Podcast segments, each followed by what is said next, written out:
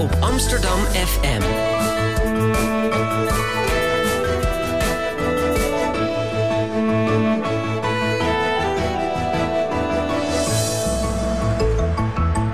Radio Swammerdam. Let's be honest. When you were a child, a teenager, or even an adult, there must have been moments that you've stared up at the sky and wondered what's out there. I know at least I have. Today on Radio Swammerdam, we will look, we will be looking at the sky with a very special guest, uh, the astroparticle physicist Gianfranco Bertone, who is an associate professor at the University in Amsterdam. And as you can hear, um, this week will be as an exception in English. My name is Tim Wagemakers, and next to me sits co-host Eveline van Rijswijk. Today we will try to find out what are the building blocks of our universe, and thus our existence. Um, yeah, Eveline, we are two alphas about to engage in pure beta science. Um, did you get any chance to catch up on your particles, physics, and, and galaxy theories? I, I did catch up, but um, well, I, I kind of missed it. I really liked it in high school, and then I became an historian. So uh, I think the world is larger than uh, than history. So we're going to find out today. Yeah, and to make things even more difficult, we will take it a step further today. Um, we've learned in high school what makes up our universe, namely this thing called matter that can be divided into solids, liquids, and gases. But as we will find out today, that's not all. There are things out there in the universe that can't be seen. And today on Radio Swammerdam, we will talk about these things that we call dark matter. And luckily, we will be helped by Mr. Bertone, who is a spokesperson and researcher for the Center of Excellence in Gravitation and Astroparticle Physics, or GRAPPA. Uh, he specializes in dark matter and had quite a breakthrough last month uh, when he and his colleagues uh, proved the existence of dark matter in our own galaxy. He wrote the book Behind the Scenes of the Universe from the Higgs to Dark Matter, uh, has done projects at the Large Hadron Collider in Geneva, and recently developed the app uh, Dark Matter that explains all scientific research on his subject up to now. Welcome, Mr. Bertone. Uh, did we miss anything? Um, you didn't. That was you know perfect. Uh, thanks for having me. Yeah, um, the word dark matter, uh, which we're going to talk about today, sounds quite, I mean, a bit frightening. Would you agree? Uh, not frightening. I would say mysterious. Mysterious. Yeah. Well, it's a mystery we're going to solve today. Um, we're going to find out what it is, why we should bother finding it out, um, what the relevance of pure science is, and well, what it's like to work in one of the most intriguing places in the world right now, the Large Hadron Collider. Um, but before we do that, let's get a glimpse uh, of the scale of what we are talking about.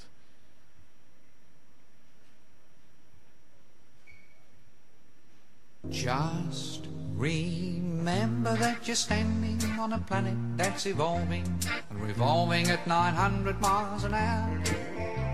That's orbiting at 90 miles a second, so it's reckoned a sun that is the source of all our power. The sun and you and me and all the stars that we can see are moving at a million miles a day. In an outer spiral arm at 40,000 miles an hour of the galaxy we call the Milky Way.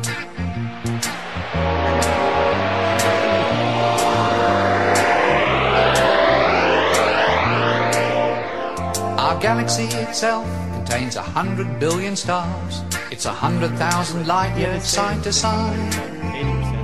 Bulges in the middle, 16,000 light years thick, but out by us it's just 3,000 light years wide. We're 30,000 light years from galactic central point. We go round every 200 million years. And our galaxy is only one of millions of billions in this amazing and expanding universe.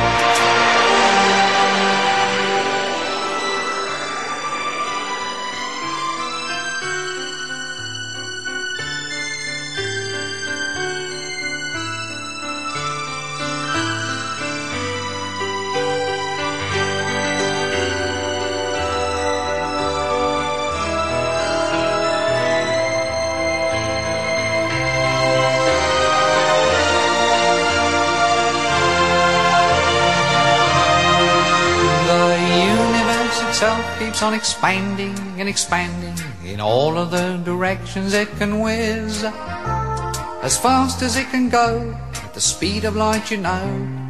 12 million miles a minute, and that's the fastest speed there is. So remember when you're feeling very small and insecure, how amazingly unlikely is your birth.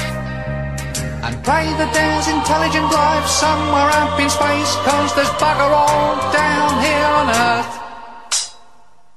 Yeah, welcome, welcome back. You're still listening to Radio Swammerdam, um, where today we talk with astroparticle physicist Gianfranco Bertone about our universe.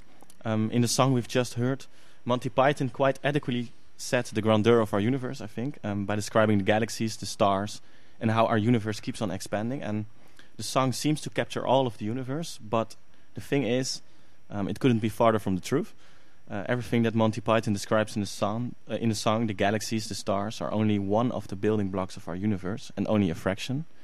Um, today we talk about dark matter, which is one of those building blocks. Um, Mr. Bertone, can you explain something about uh, something more about the elements that build our existence? Absolutely. So, uh, well, let me first give you the the big picture, right? So you said uh, correctly that we believe that there's more in the universe than the matter we have discovered so far.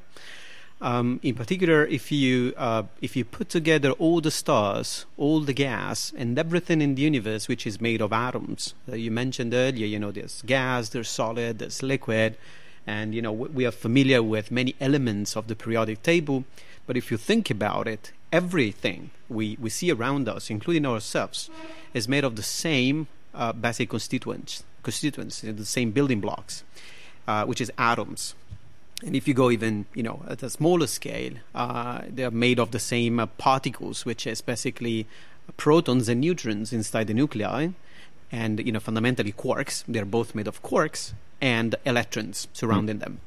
So if you take quarks and electrons, and you know, just look at how they combine in the universe, you can get basically, you can basically explain all the physics, the chemistry, and the biology around you, at least in principle. Everything that we can see. Everything that we can see, and every, and also you know everything we can extrapolate based mm. on what we can see. So, for instance, it's obvious that we cannot see all the stars in the universe. There will be stars which are too faint for us to observe.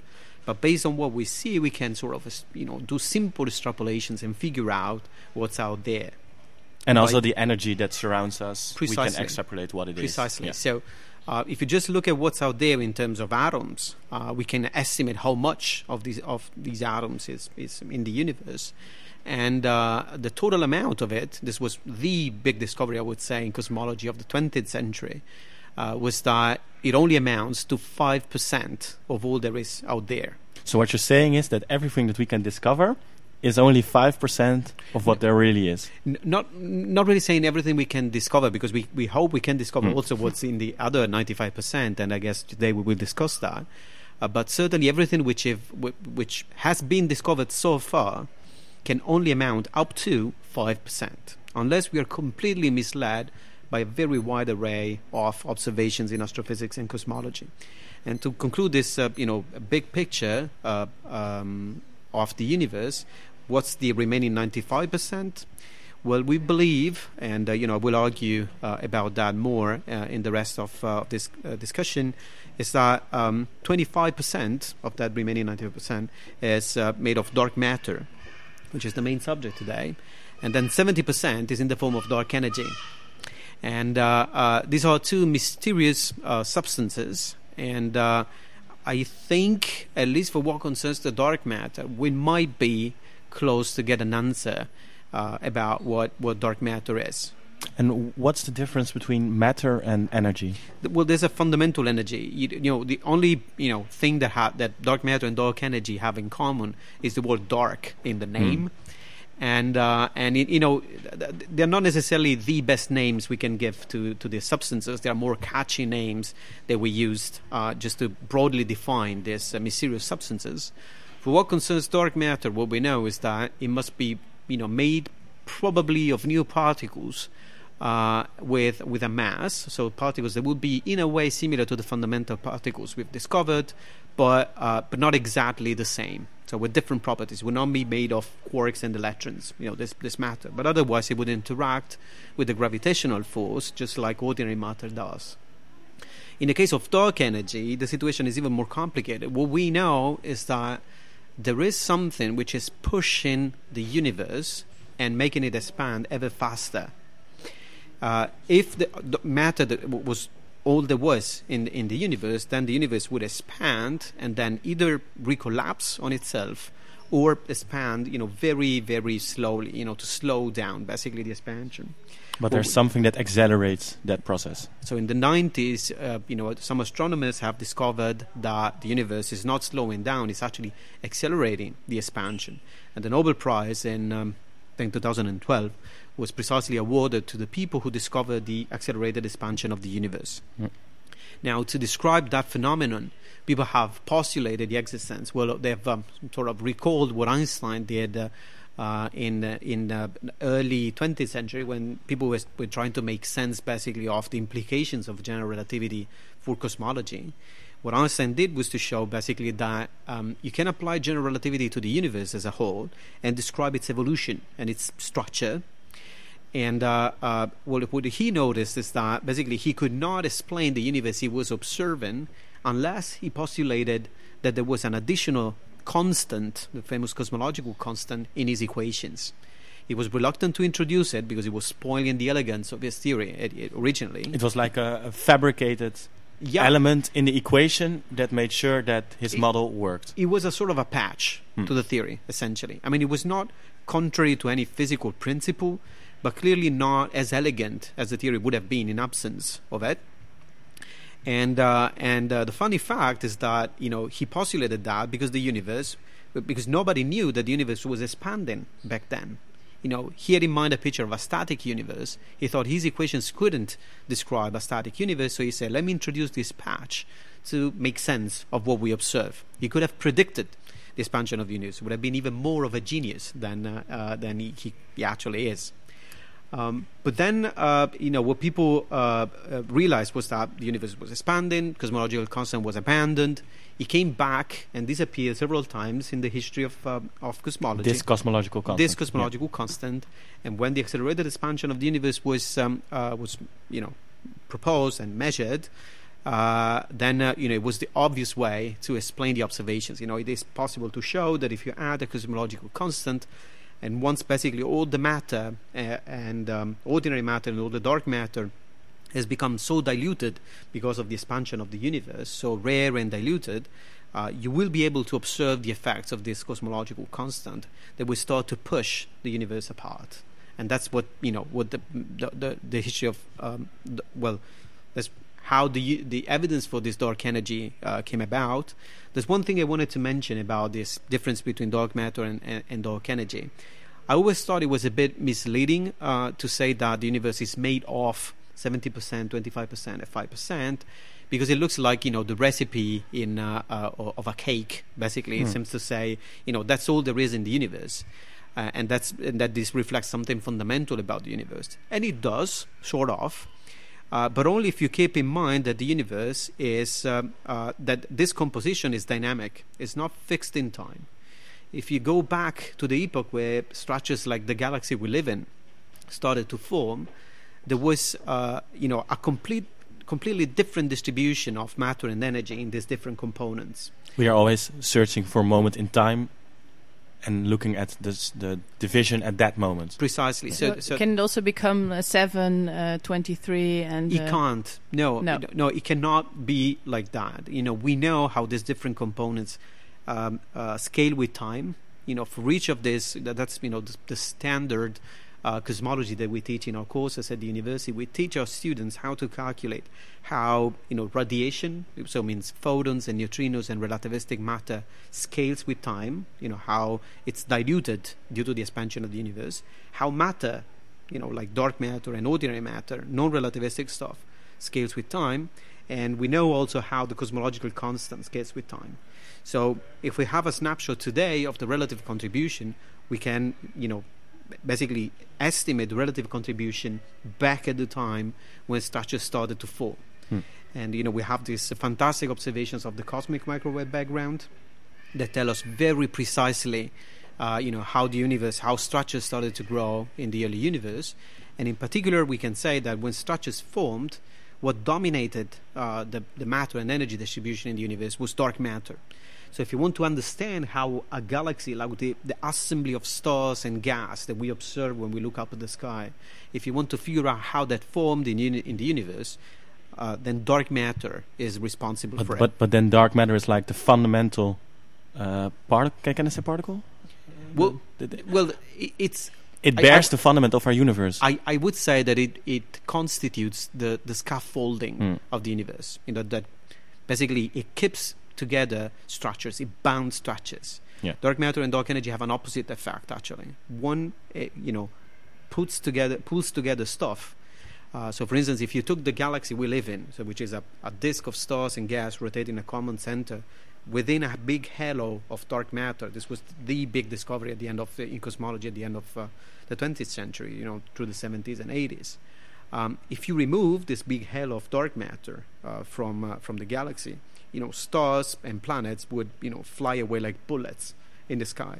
I, I've read the analogy that it's like two people that are holding their hands and uh, running circles, and then every time they run faster, uh, the gravitational pull needs to be bigger because otherwise they would. That's right. You need a stronger force to pull things together. So how how can we see if we go back to because the dark energy? I think um, we, we're getting way technical Mhm. there. Um, if you look at dark matter, uh, the thing about it is that it's dark. How can we see dark matter? How can we search for right. dark that's matter? that's uh, you know the the big question in cosmology, and uh, you know as you can uh, immediately see is um, you know currently we have a perfect description of the universe, almost perfect actually. Uh, when but we the, the price for that is to postulate the existence of things we cannot see, which is a very dangerous thing to do in, in cosmology, in phys- well in, in science in general. Uh, you know, we we know you know many cases in which people have believed in the existence or assumed that something was out there. The typical example is the case of the ether that was postulated in the in the 19th century. This was you know basically a substance, you know, ether, like in radio goes on ether. Hmm. Uh, that was supposed uh, to be you know the support structure for the propagation of waves in the universe and uh, you know this was so popular that we you know we still use that term basically when discro- discussing the propagation of electromagnetic waves but we now know that there's you know nothing well that's it's um it's always tricky to say it does not exist but you know as einstein correctly put it we don't need it to explain uh, the propagation of waves you know we got rid of that idea and uh, uh, so, so this is something that was, you know, commonly accepted at the end of the of the 19th century, and now it's known to be wrong. Essentially, we don't want to be in the same situation now. So, we, you know, we're always very careful when making, you know, statements about, you know, we know everything in the universe. Uh, in order to prove that this uh, dark matter is out there and dark ma- then that dark energy makes sense, we need to go out there and measure uh, these particles. And uh, what I describe in, in, in the book and in the app is basically how scientists are trying to discover, to detect these dark matter particles and prove all these assumptions, basically. And how is that? There are three main ways, uh, and uh, you know, one which is you know maybe the one which is more familiar uh, to our listeners is that um, you know we could create new particles, produce new particles at the Large Hadron Collider in Geneva. You know that there is this big accelerator at the border between Switzerland and France, and um, and you know that people uh, there basically are colliding particles, protons, as a matter of fact, uh, to very high energies. And the idea is, you know, to search for dark matter is relatively simple. Actually, the idea is the following: when you accelerate these particles to very high energies, you can produce in the colla- collision very massive particles. You know, you know the equation E equal mc squared. If you increase a lot the energy of the collision, you can produce mass particles with a mass, which is on the right side of this equation, which is very high. Okay, so the idea is that by colliding protons at the LHC, you would produce these very massive particles. And then you search among the debris of the collision. Basically, you search for these new particles. It's technically very difficult to do, but it's certainly you know a very clear way of obtaining evidence for new particles. That's actually how the Higgs boson was Hmm. discovered. But but to take it one step back, i- Mhm. i- if we're looking for dark matter, then we're looking for something that we can't see. So we search for other signs that show us that it's there. Like, for The example, effects. yeah, That's right. So we, we, we want to prove the particle nature of dark matter. So for instance, and we want to measure the dark matter particles. but but but but is it then like um, if you have a paperclip on a table Mhm. and the paperclip starts to move, you know that there's a magnet underneath it, th- that's the indirect evidence that we have today. and then the magnet would be the dark matter That's in right. in the analogy. so the indirect evidence that we have today is that you know, we see these effects, these collective gravitational effects on things we, we observe. Let me give you like a historical, um, uh, you know, analogy to what happened in the case of, of dark matter. In the 19th century, people were applying the laws of uh, uh, Newton, gravita- Newton gravity, basically, to the motion of planets in the solar system. Okay, and then they were, you know, the degree of sophistication of this calculation was basically so advanced that they could measure precisely the orbit of these planets and compare it with the prediction, the predicted orbit for these planets. You know, taking into account the sun and all the other planets in the universe. Okay, so a that's again the two people holding hands. that's right. turning you know, around there's a to each other. gravitational Yeah. pull which is provided by the, the planets you observe. Now, uh, when they looked in uh, uh, to the motion of outer planets, like Uranus, for instance, they realized that Uranus was not moving at all as predicted. Well, I shouldn't say at all. It was, there was a, a tiny modification, a tiny anomaly in the motion of uh, of Uranus. And uh, people like Le Verrier, uh, the observatory in Paris, said, "Look, uh, this doesn't make sense. So either my calculations are wrong, which is something which is very hard to accept for, for a scientist, or there must be a new planet uh, of this mass in that position, which is producing, which is perturbing the motion of uh, of this planet." Sure enough, you know, next year, uh, the, the the following year, uh, uh, the planet was discovered. There was Neptune that was perturbing the orbit of Uranus. Now, the analogy is the following: we are observing anomalies in the outer parts of the galaxy uh, that you know clearly tell us that we cannot explain the motion of stars and gas in the outer parts of galaxy, in, of galaxies, of all the galaxies we observe, um, without uh, postulating the existence of an additional form of matter. Like we postulate the existence of a new planet to explain that anomaly, we need to postulate new matter to, to explain this anomaly. And uh, uh, and uh, you know, if we do that, everything makes sense. If we don't, it doesn't. There's So a we do. catch. So we do, but there's a catch. Uh, you know, the very same Le Verrier who postulated the existence of Neptune tried to explain the anomaly in the in the orbit of Mercury that was discovered, you know, a- few years later. Uh, and it is known that the orbit of Mercury, which is the planet which is closer to the to the Sun, actually exhibits what is called uh, an anomalous precession of the perihelion. I mean, it does have a funny orbit around the Sun, basically, which is not predicted by Newtonian gravity. And then he said, "I well, he was strong about uh, of his um, uh, idea of postulating the existence of a new planet in the outer uh, solar system." And he said, "This makes sense if there is a new planet in the inner part of the solar system between Mercury and the Sun, which is perturbing the orbit Hmm. of Mercury. But that planet was never found. He even dubbed it Vulcan. You know, sin, you know, if you if you if you're passionate of uh, uh, of uh, Yeah. uh, science fiction, you, you may have heard about Vulcanians and so on. That's where this all started, basically. Um, but that planet was never found. You know, we're pretty sure that it's not there actually Mm. after after a century, and uh, so this poses also, you know, this this kind of um, strange situation. And you know, the, the, the answer had to await uh, Einstein theory of general relativity. So the answer was not new, a new form of matter, but it was a new theory of gravity. So that's the other possibility, you know, that we are, you know, being mistaken uh, by, you know, or misled by all these uh, uh, observations, Yeah. but that the, the the real answer is in the form of a, you know, a new theory of gravity. But let me, you know, before you ask the next question, because I see you want to ask Mm. next, the next question, let me just tell you that um, there are good reasons to believe that we are not in that case of That- modified gravity. That we're not in a case of that it's different theory of That's gravity. right. Because, and you know, the strongest evidence against it is that we see we observe systems in which we observe well the total mass is again by using a tool that comes from the Einstein's, Einstein's theory of general relativity, which is the so-called gravitational lensing.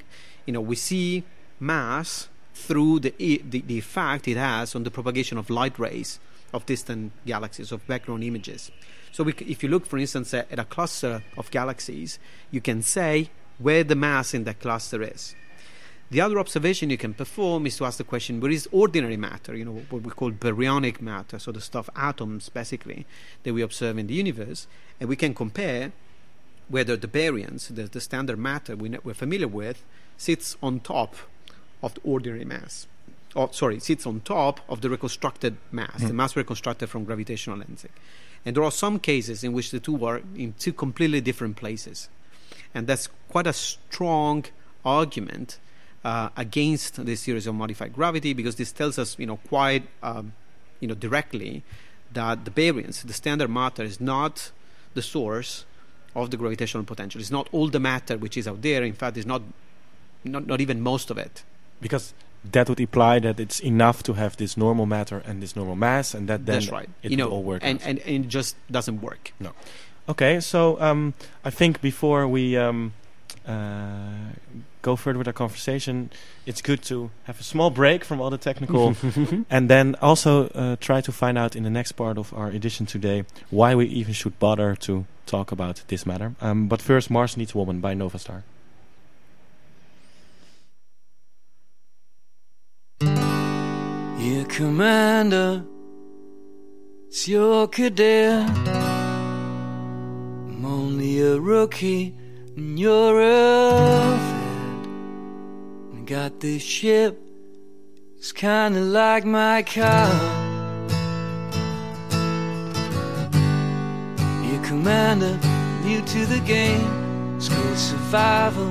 What's my name for this mission behind bars? But don't you know it's getting kinda strange? Mars needs woman.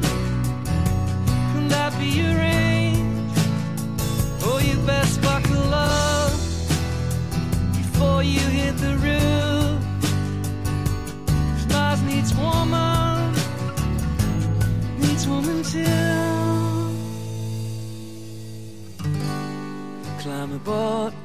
Speed of light.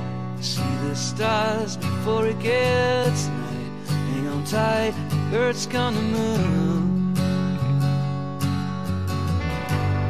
Easy, Commander, it's your cadet. I'm only trying, but not quite there yet. I got this cause it kinda seems so far. Don't you know? It's getting kinda strange.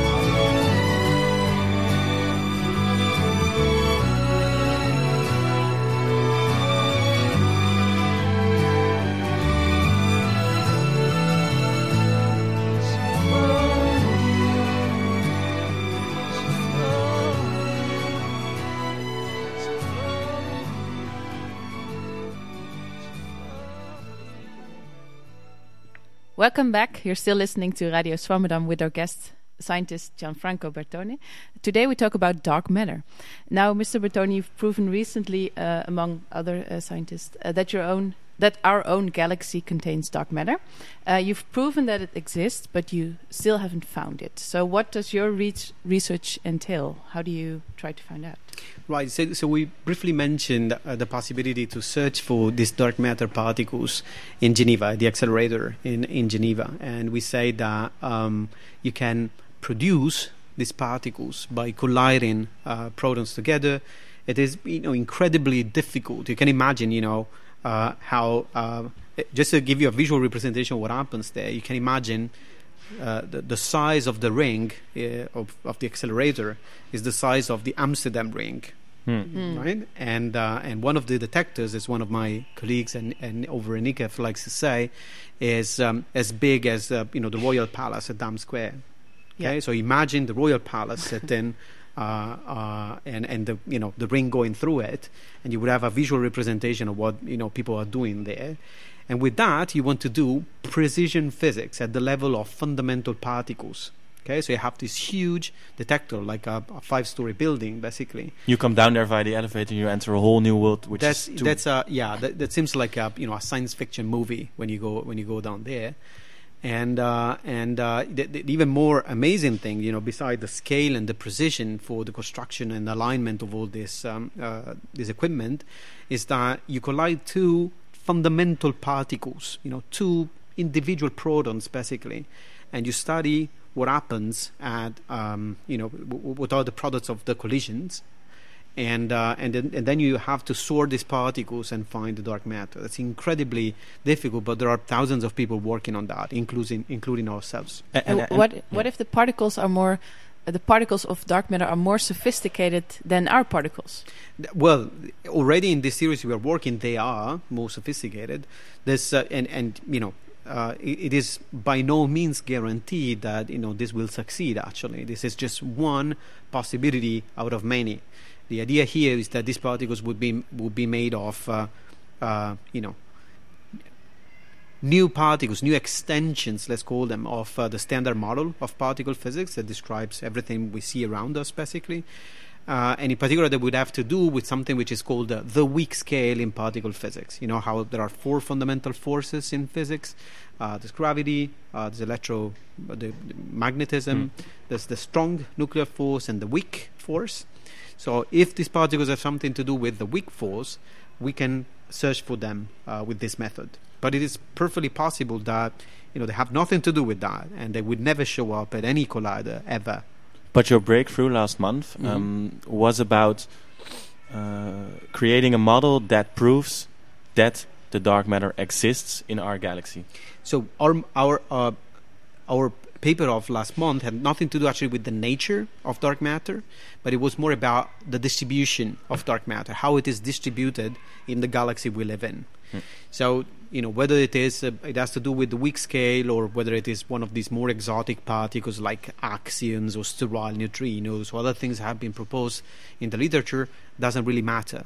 This was about where is the dark matter? Do we have evidence for dark matter? You know, in our cosmic backyard, But, basically. it, but in that sense, it was a confirmation of what we already are guessing. it was, it time, was, right? if you want, it was a precise measurement Yeah. that built uh, and and increased our confidence on how dark matter is distributed, and it allowed us to uh, to put these models that describe how dark matter is distributed. Um, in the galaxy on a much more solid observational ground, basically. And how did you measure that? How do you find out? Well, it's uh, it's a combination of two things. So uh, we said earlier on that uh, the way you discover these particles is by looking for anomalies. hmm So what we did was uh, let's take a look. It's uh, you know it might seem uh, strange, but you know it's much easier to measure the distribution of matter in an external galaxy rather than in our own.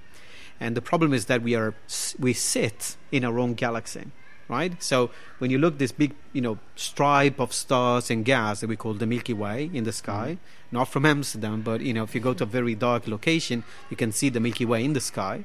That's basically the disk of stars and gas we live in, see, as seen from the inside. which makes it quite a difficult research subject because Precisely. we're one of the factors. If you want to, to for instance, measure how many stars and uh, you know how fast these stars rotate in the in the galaxy, then you know things are very complicated. Mm.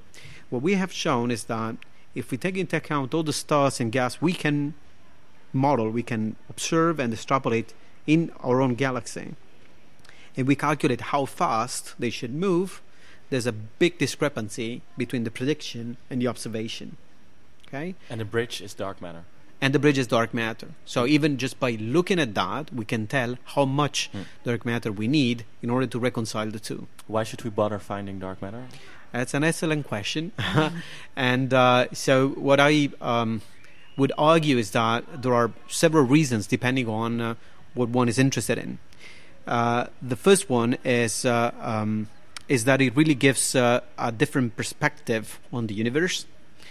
Uh, I, I I would say that this is um, you know the the ultimate principle of mediocrity, in the sense that uh, you know you know how we've progressively displaced from the center of the Earth to the center of the universe. Now we know that we're just uh, you know an average planet around an average uh, star, around a you know orbiting around a, an average galaxy, basically. So there's nothing special about about us.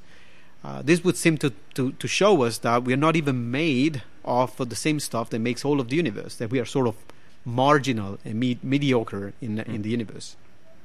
But you can also see this as a sort of a, the principle, a principle of excellence in the sense that we as human beings are um, you know, made of something very special in the universe. And uh, let me make this point even more clear. I told you how you know there's ordinary matter and dark matter in the universe. 15% of all the matter in the universe is uh, made of ordinary matter, 85 of dark matter. So already we are made of something, you know, quite special. Of that 15%, most of it is in the form of, you know, very dilute gas like hydrogen and helium. The stuff that makes us is very, very rare. You know, this is, uh, uh, we are made of um, uh, elements which were not even created at the beginning of the universe.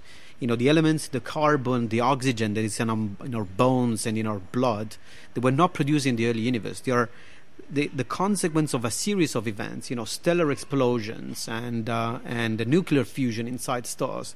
Have uh, you know it, it, took the universe 14 billion years uh, to create something like human beings and life this gives you, uh, you know, a very interesting perspective, I would say, about what the universe is uh, is made of and what is our role in in all the cosmic history. But that's quite a philosophical.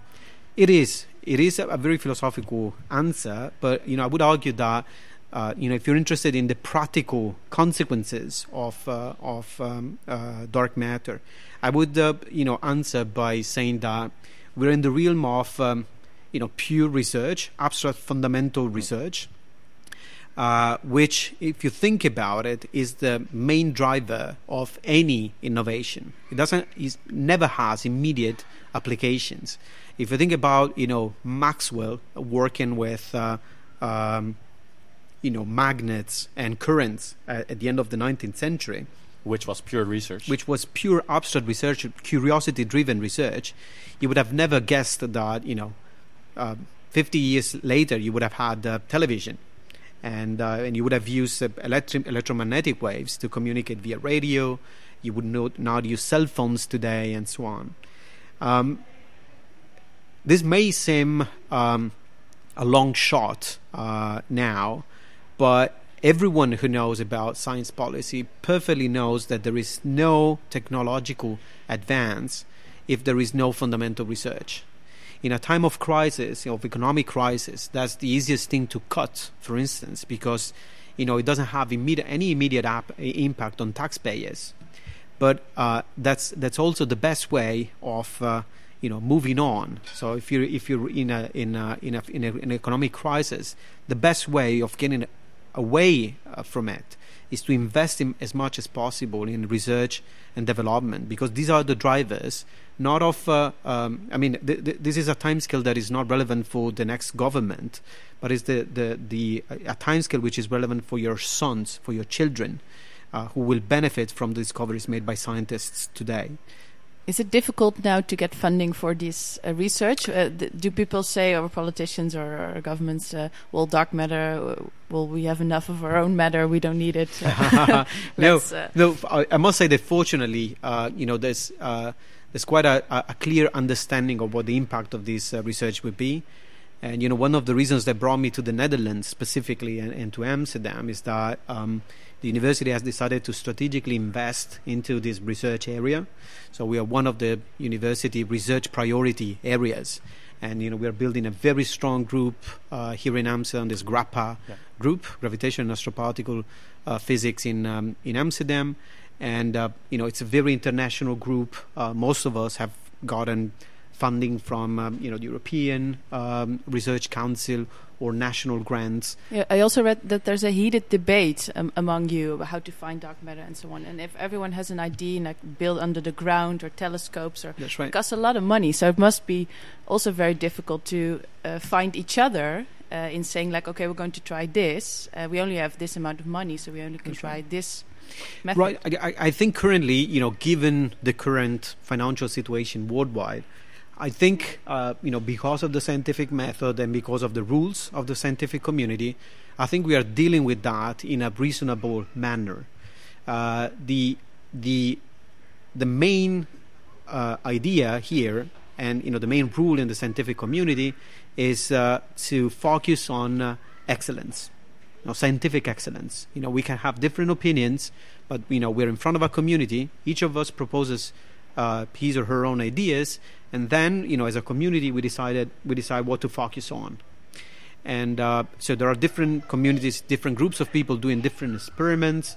Uh, but you know, the, the the money that is that goes into this type of research is like epsilon. You know, it's a very very tiny amount.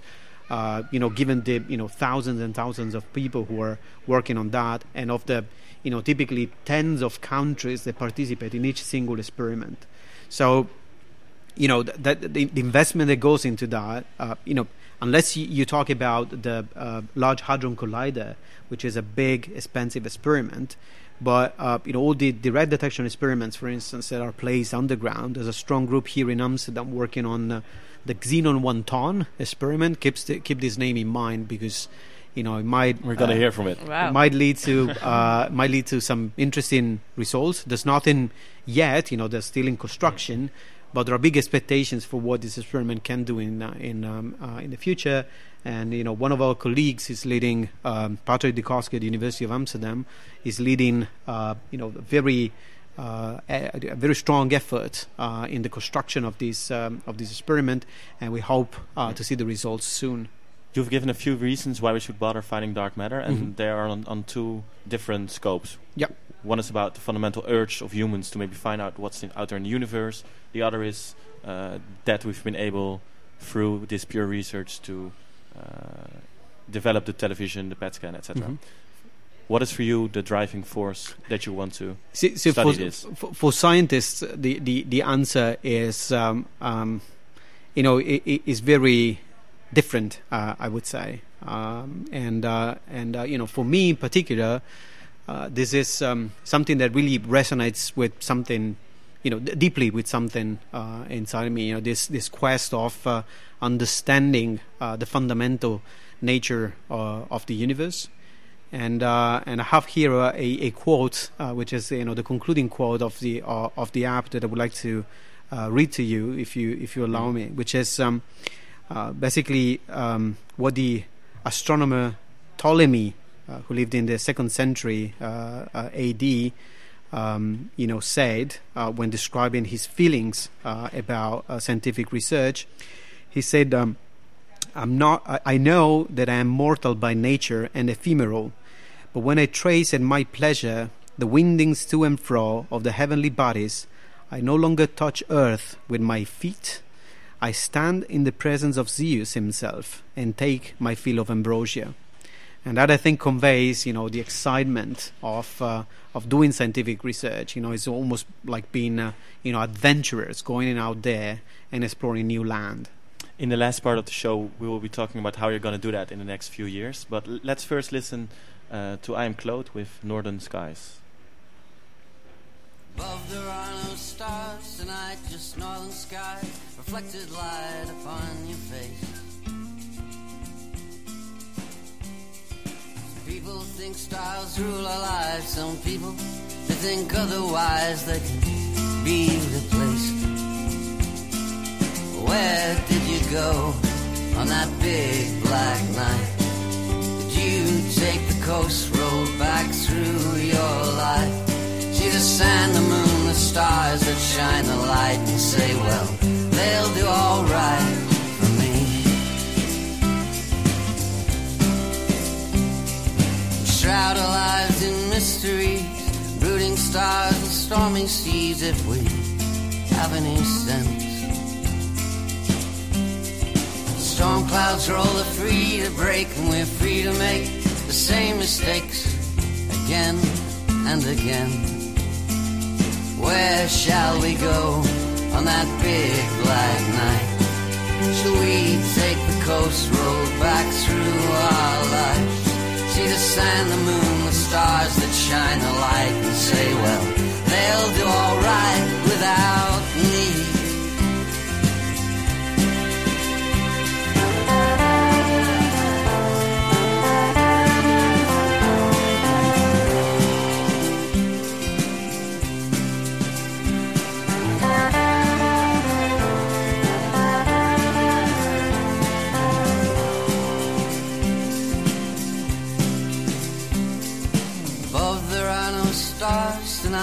northern skies, reflected light, fields of snow.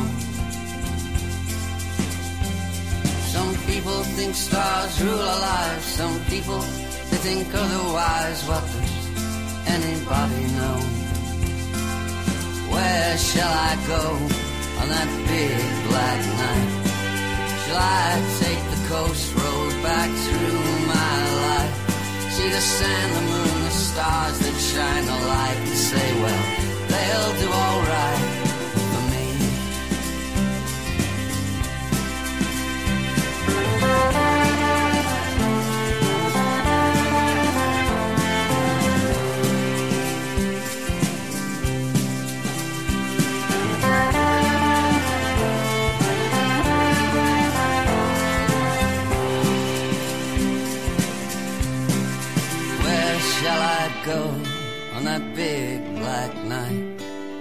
I take the coast road back through my life?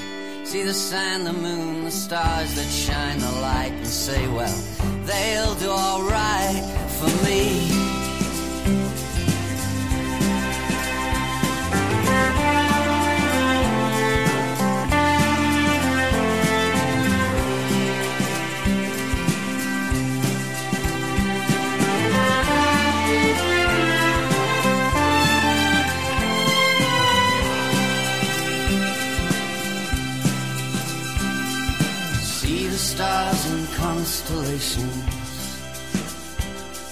Sit beneath their congregation.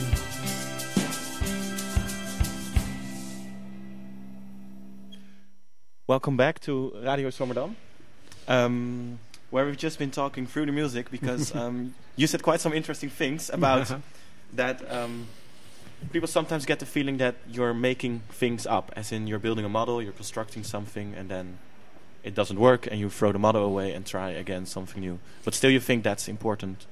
But So, so my, a a more precise quote of what I said would be Yeah. that, you know, you might uh, Yeah. get the impression, if you don't know the field, you might get the impression that we're trying to, you know, explain things we don't understand by making up things, you know, by postulating the existence of something we cannot measure. And uh, the second part of uh, of that quote, it's good to have you here to correct the quote. Yeah, uh, with that uh, would be that um, that's really the essence of the scientific method.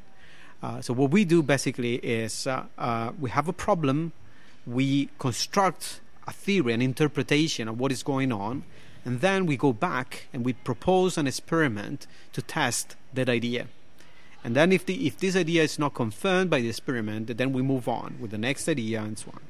So what we are doing with the dark, with, with in the case specifically in the case of dark matter, is to trying to make sense of what we measured. You know, there seems to be something, there seems to be observations telling us that there is an additional form of matter out there, and we're coming up with ideas about what that matter could be.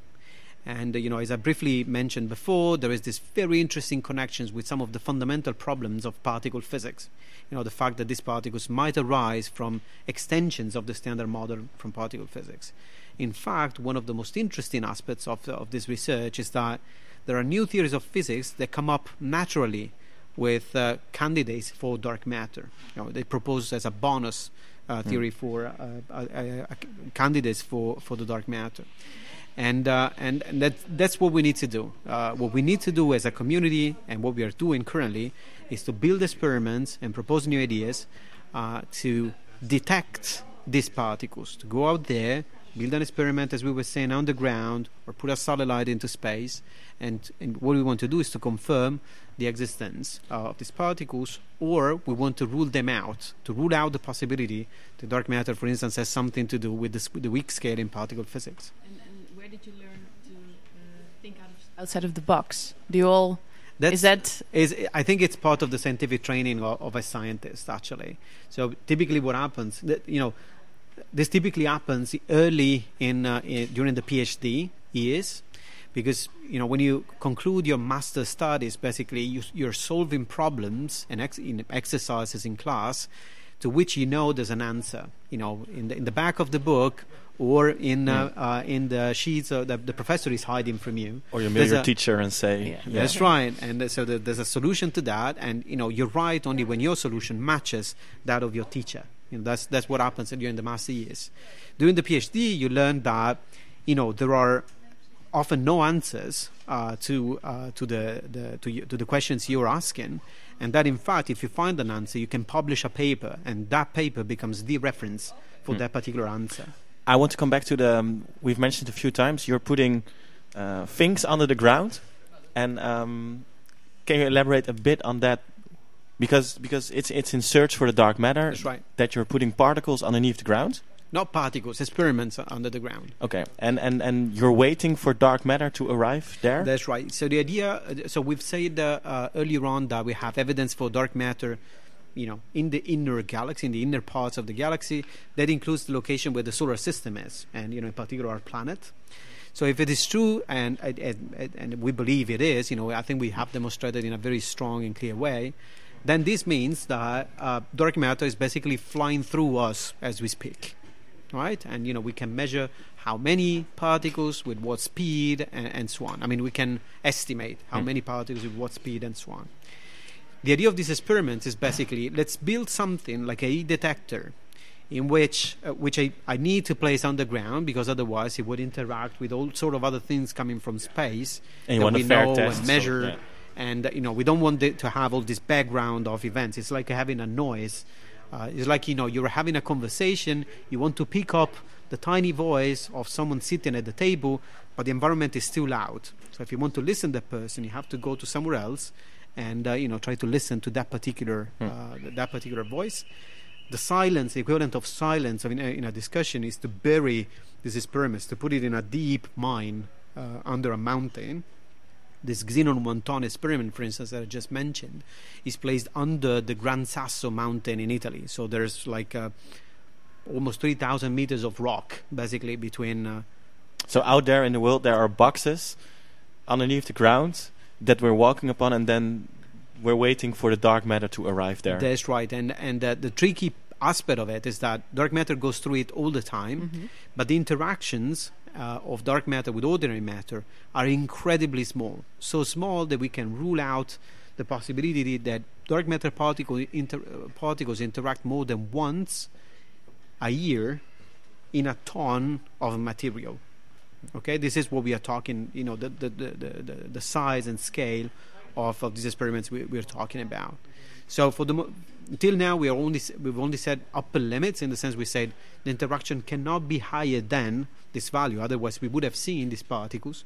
What we hope with the next generation of experiments is to be able to measure uh, the interaction of these dark matter particles and hopefully to observe them also at the Large Hadron Collider and so on, so we can reconstruct and ma- the, the, the nature of the dark matter particle and make sense of this, you know, 85% of matter which is out there. We, we've almost reached the end of the program, and but we saw that you uh, developed the app Dark Matter, Mhm. and you've wrote a book Yep. about uh, dark matter, which is supposed to bring it to a broader audience. Um, And you're here today. and you're here today. That's um, I mean, explaining science to such alphas as Arch and, and uh, dark matter, is that pleasure or pain? In the sense that, h- how can you get across what you want to say? Yeah, it's. I, I, I think it's an incredibly interesting exercise, and I think it's enriching for everyone who's involved in the in the discussion. Uh, you know, it's it's enriching for the people outside. Uh, you know, the technical field of research, uh, which we we are currently dis- discussing, because you know you learn what people are doing, uh, and uh, you know if you try to read that from technical articles, probably will be bogged down with technicalities that be very hard Yeah. to understand for someone outside uh, the field. But it's enriching also for us because it's it puts things in a in a different perspective. It, it kind of refocuses our effort, and uh, you know it's a, even a further encouragement to work on things which are. Uh, you know, relevant not just as academic curiosities, but they are also Yeah. relevant for the people out there. So we've been f- we will be following you um, for the next years and hope that you will be here to find the dark matter. But for now, we've reached our conclusive remarks for this edition. Um, I want to thank co-host Eveline van Rijswijk and Sterre ten Hout de Lange, who was our technician, um, and of course a special thanks to you, um, Gianfranco Bertone. But before we leave you, there's a small extra. Hello,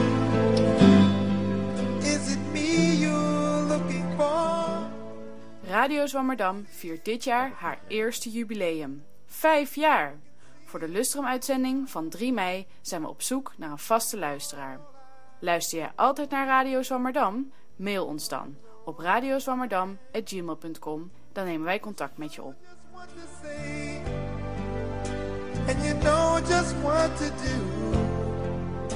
And I want to tell you so much.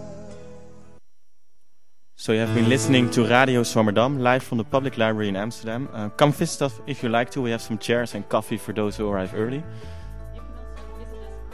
Uh, via Twitter and Facebook. Make sure you type Radio Swammerdam with an S. Today's edition will be put online later today on the website of Amsterdam FM, and the whole edition will be streamed on mixcloud.com slash Radio Swammerdam. And next time we will switch to Dutch again. For now, we, we wish you a very pleasant Sunday.